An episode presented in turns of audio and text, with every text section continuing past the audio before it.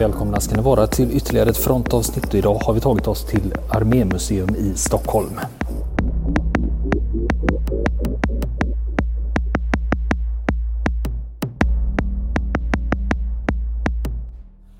Ja, redan när jag kommer in så frågar receptionisten om jag varit här förut. Eh, jag blir tvungen att svara jakande på den frågan. Eh, men eh, sen så ger de mig en broschyr och säger att börja upp på tredje våningen så börjar vi från början och så kan man beta, beta av det här i kronologisk ordning. Så vi ska börja på 1500-talet. Men redan innan man kliver in på 1500-talet så har de en liten förhistoria kring krig. Bland annat har man en, eh, en grupp av fyra apor uppställda som är inbegripna i någon form av slagsmål eller strid. Och det för ju tankarna till inledningsscenen på Stanley Kubricks film 2001 en rymdodyssé. Och det är väl klart att det är det som är avsikten också. Eh, det är lite planscher och utställningar som handlar om krigets rötter. Sen ser det ut som en tavla av Hieronymus eh, Bosch är det nog. Som handlar om helvetet. Jag ska se om jag hittar någon information om den här stora målningen. Det ska nog föreställa eh, helvetet eller skärselden. Hieronymus Bosch var en nederländsk Eh, målare på medeltiden. Sen är det lite målningar och lite texter här om att eh, man i tusentals år hållit på att kriga. Sen är det en stor bild på Hiroshima. Det, vad som finns kvar efter atombombsexplosionen där i augusti 45. Och sen är det här även prynt. Det är prytt det här rummet med lite dödskallar som ligger i linjer. Och sen har man en liten exposé över vapen genom tiderna. Och det är bland, ska vi se hur gamla hur gamla de kan vara. Det är ju knivar, dolkar och klubbor och sen även modernare automatvapen. Och, eh, så det är väl mer för att ge en liten överblick om utvecklingen. Sen går man in i nästa steg, den heter, här börjar historien om den svenska armén genom krig och fred. Då har man byggt upp som en gammal trästuga på vänstersidan med dockor då som ska symbolisera allmogen. Här har vi en eh, skolklass som står och eh, får en dragning. Jag är lite avundsjuk på att, de, att jag inte är med i den gruppen och får besöka Armémuseet med guidad visning. Det får vi ta vid något annat tillfälle. Och sen pratar man om inledningen på Sveriges armé under Gustav Vasa 1500-tal. Här är det också utställningar av föremål från den perioden. Eller rustningar och vapen, hillebarder och gamla gevär. Överallt har de också informerande texttavlor som berättar om vad den här delen handlar om och hur man ska uppfatta den och hur man ska förstå den.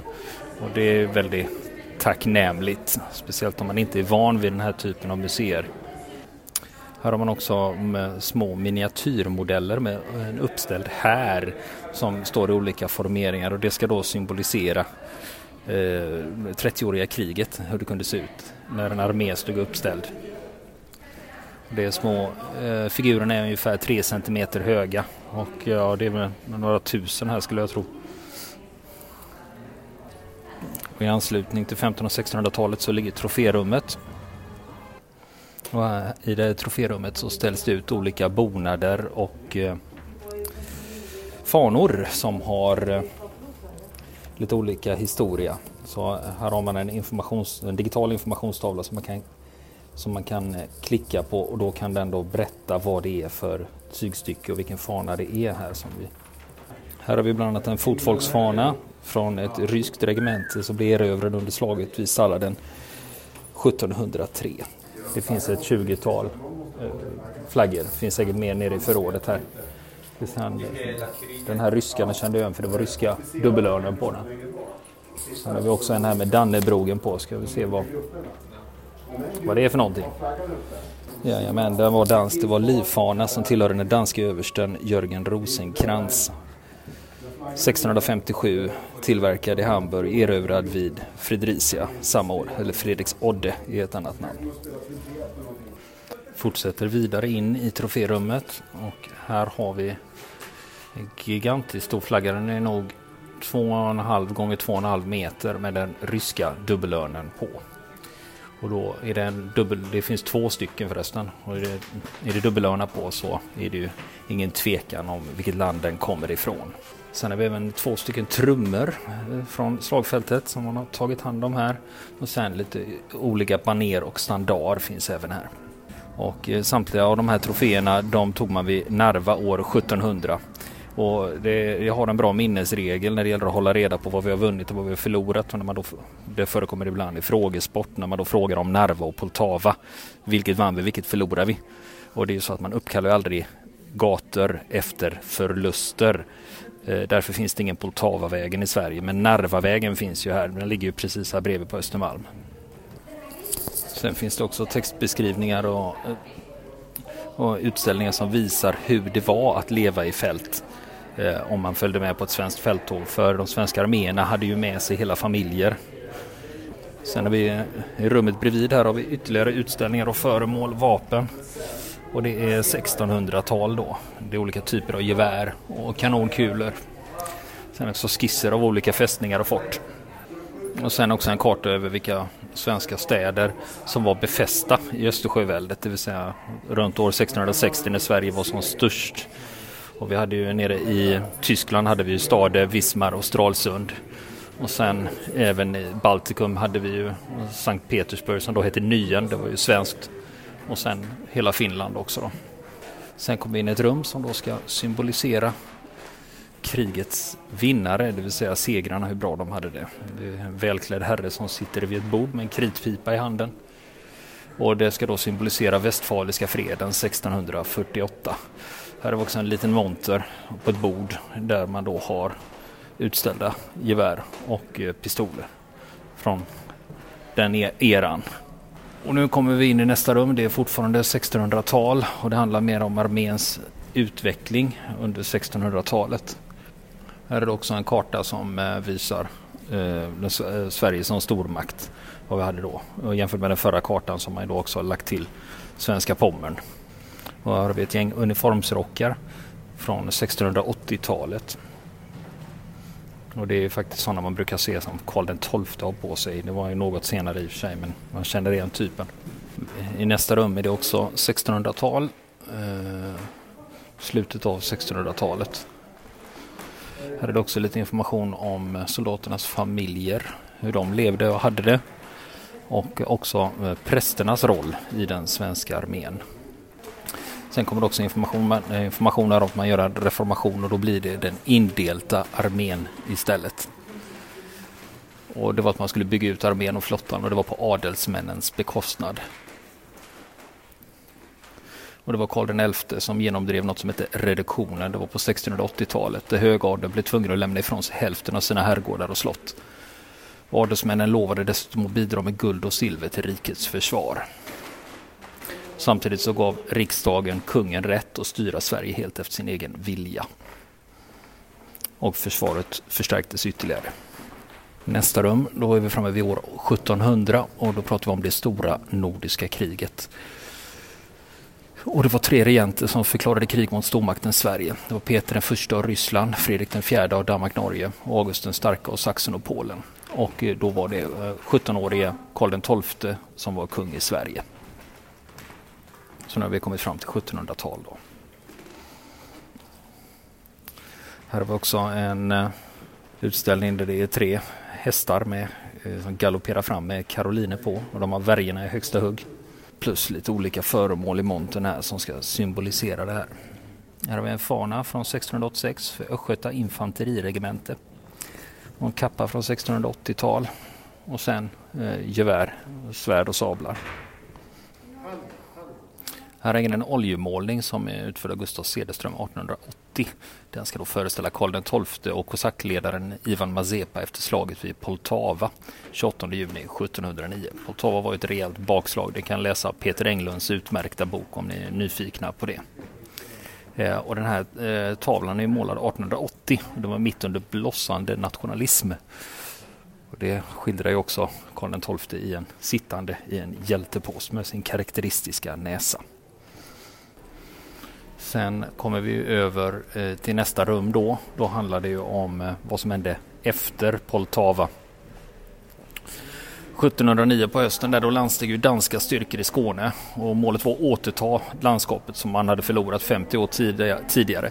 En nyuppsatt svensk armé under befäl av Magnus Stenbock besegrade inkräktarna vid Helsingborg 28 februari 1710. Sen fortsatte Stenbock och fältarmén ner till Tyskland och svenska Pommern. Och de fick, hade lite tur i början där, de hade inledande segrar. Men eh, fälttåget 1712 17, till 1713 eh, slutade med att Stenbocks armé kapitulerade för fienden vid staden Tönningen nära Nordsjön. Och då var man försvagad av svält och sjukdomar. Och sen på östfronten då bröt försvaret ihop 1714 och då var det ryska trupper som tog kontroll över hela, över hela Finland. 5000 civila män, kvinnor och barn föll offer för härjningarna. Och det var tiotusentals som flydde till västra delen av Finland. År 1715 uppgick de finska flyktingarna i Stockholm till en femtedel av stadens invånare. Och I en monter här så hänger det en uppbådsfana. Eh, den är tillverkad 1710 för Daretorp socken i Västergötland. Och det var att man skulle försvara hembygden om fienden hotade att attackera Sverige. Det skulle man kunna säga ett tidigt hemvärn då. Och sen har vi ju om vandringen då. Nyårsnatten 1719 vandrar tusentals soldater i trasiga kläder över de snötäckta fjällen mellan Norge och Sverige. Kungen hade ju dött och det norska fälttåget hade avbrutits. Och eh, då skulle man eh, Ja, varje soldat fick klara sig på ett stycke kött och två havrekakor under den fem mil långa marschen. Och det blåste upp till storm och snöovädret försämrade sikten och det var många som gick vilse. Hälften av de 5000 soldaterna frös ihjäl på fjället eller dog när de kom fram till Handöl. Armfelt själv klarade sig undan med en frostbiten käke. 1719 var det här nyårsnatten. Här har vi ytterligare ett rum med flera fanor och baner. Och det är från det stora nordiska kriget och här kan man ju se en del kungasigill på Karl XII bland annat. Så det man har utkik efter det är kungasigillen eller några andra typer av symboler så jag kan berätta vad det här är för något. Och känner man inte igen dem en gång så finns det en digital informationstavla där man kan trycka på en bild av respektive fana för att se vad det är för någonting och var det kommer ifrån. Här pratar vi i nästa rum. Då pratar man om brott och straff, vilka typer av straff som kunde utdömas. Bland annat spöstraff och också en illustration av rådbråkning, det vill säga när du flätar in armar och ben och bryter dem in i ett, eh, in i ett vagnshjul. Då.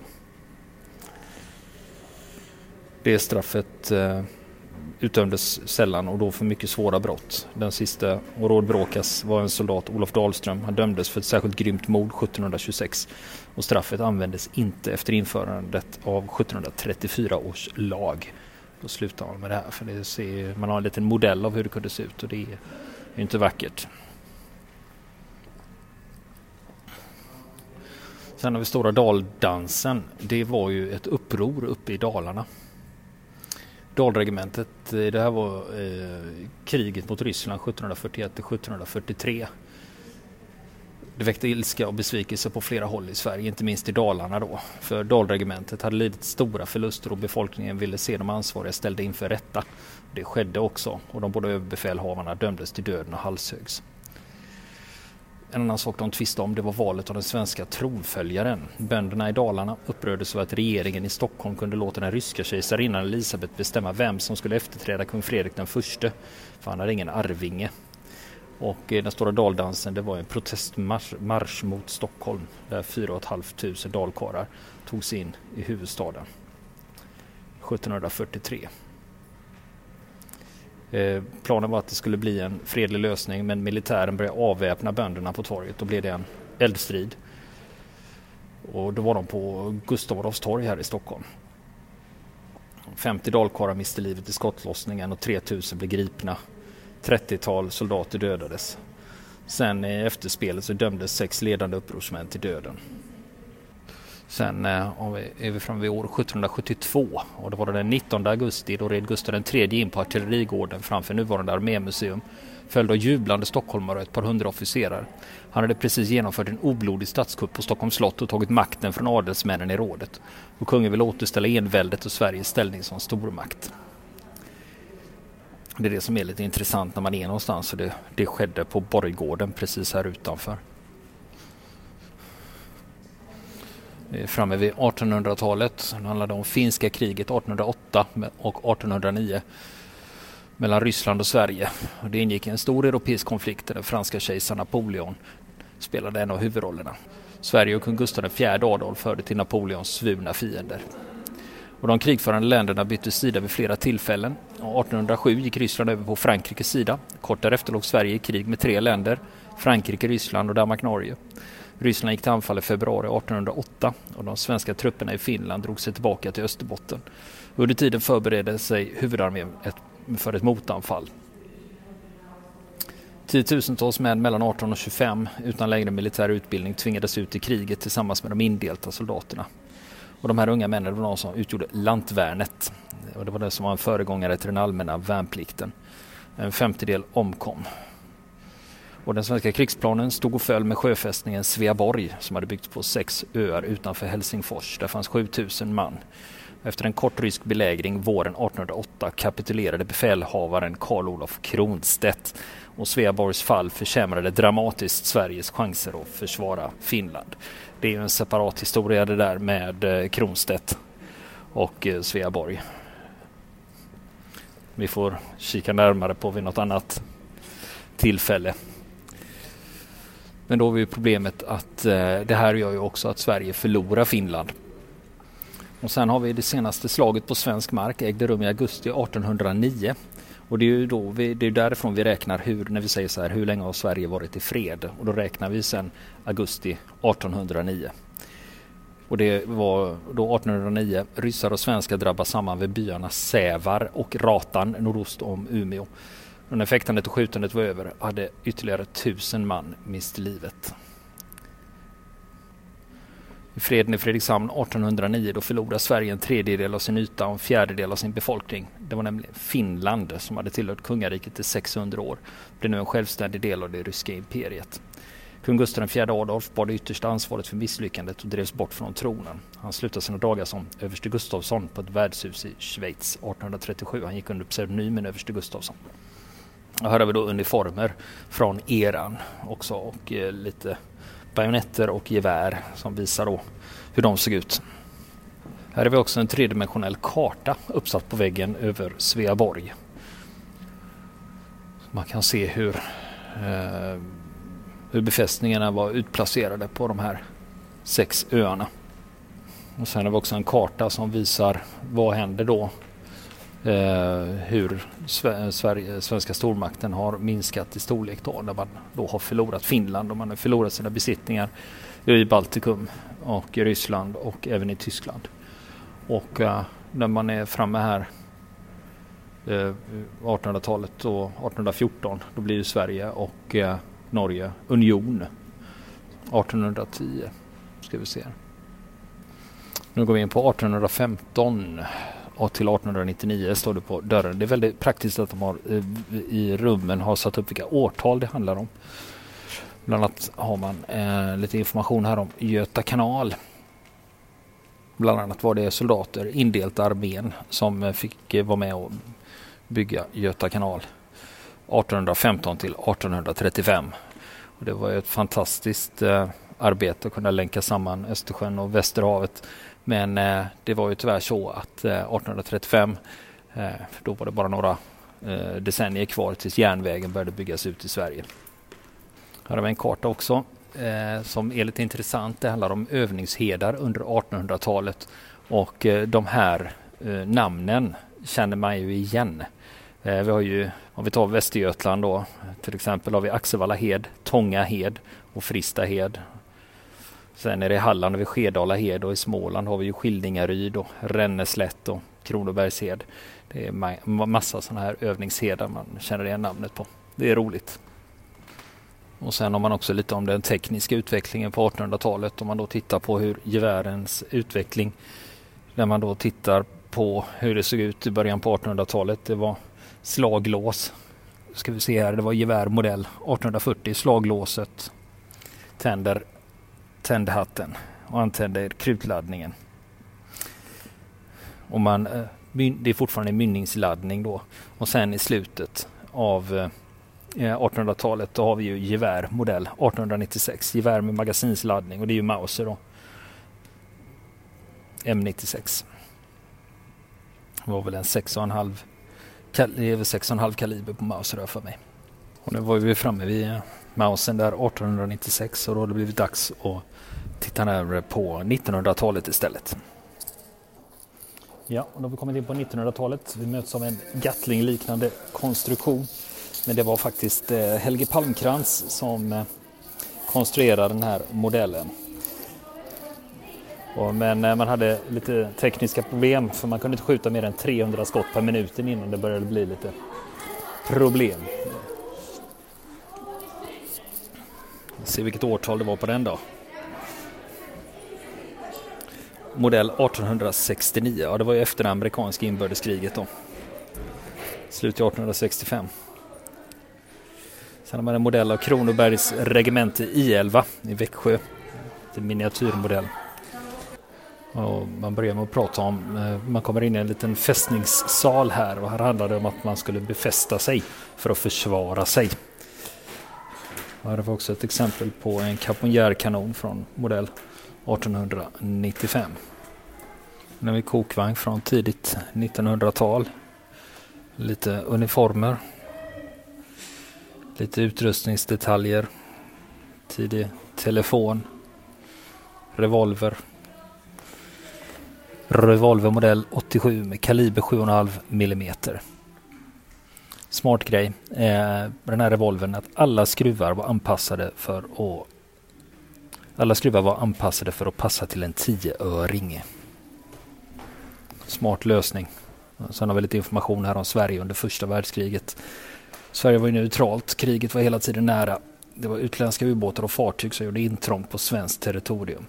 Flera strider mellan de krigförande länderna skedde på svenskt vatten och många svenska fartyg blev medvetet eller av misstag sänkta under krigsåren.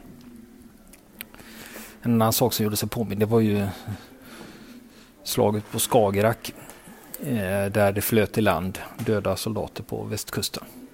Sen i nästa monter så har vi utställningar eh, från eh, första världskriget och då handlar det om eh, utrustning. Nu är det inte svensk, svensk utrustning här utan det är från andra länder. Bland annat har man den tyska hjälmen modell 1916. Det skedde ju mycket, det skedde mycket stora framsteg. Man har även tysk Även en eh, tysk uniform och en antitankgevär. Ska vi se, det är 13 mm kaliber. Eh, från Tyskland 1918. Hela det här rummet, eh, eller första halvan av rummet handlar ju just om första världskriget då. Vad som skedde nere på kontinenten. Medan Sverige var ju neutrala och stod utanför har en monter med olika gasmasker av olika typ. Det var ju första kriget man använde sig av det. Eh, eller ja, i mer utbredd omfattning i alla fall. I monter där första världskriget så finns det ju också nu ska vi se, jag tycker mig se en flaska jag känner igen här. Ska vi se om den har en nummer. Nummer 17, det är en tysk eldkastare. Eh, den är ju en flaska på ryggen och sen ett eh, slang och så en, ett munstycke. Den ser väldigt tung och otymplig ut. Sen har vi också flechetter. Det har jag hört talas om och läst om. Jag har aldrig sett det på riktigt. Eh, flechetter är ju eh, typ av pilar som du släpper från flygplan eller från artilleri. Eh, I det här fallet så har de släppts från flygplan och när de faller ner då med hög hastighet så ger de fruktansvärda skador. Och det här med flechetter, pilbomber heter de på svenska. Flechetter det är eh, mer internationellt ord och för mig de ska vara förbjudna enligt eh, konventionerna numera. Sen har vi också en stridsklubba från Österrike-Ungern som har tydligen använts i skyttegravskriget. Också en eh, lång smal bajonett som är säkert, bladet är säkert eh, 50 centimeter. Och den passar då till det franska geväret modell 8693. Sen har vi också en skyttegravsspegel som eh, man kunde trench mirror, alltså som man kan titta ut eller skyttegravstövlar. De, eh, det ska då vara vattentäta och gå långt upp på låren så att man kunde klafsa runt i skyttegravarna utan att, utan att få problem med fukt. Och sen har vi en rysk hjälm, modell 1917. Här har vi också saker från finska inbördeskriget, det var ju 1917 till 1918. Bland annat har vi vapenrock från Harald Hjalmarsson som eh, ledde den svenska brigaden under 1918. Det är hans jacka som hänger där, hans uniformsjacka. Vill ni komma i kontakt med oss så kan ni göra det via vår Facebook-sida som heter Fronten. Det är inga problem för er att leta er fram där. Eller också så mejlar ni på vår mejladress och det är frontenpodcastgmail.com.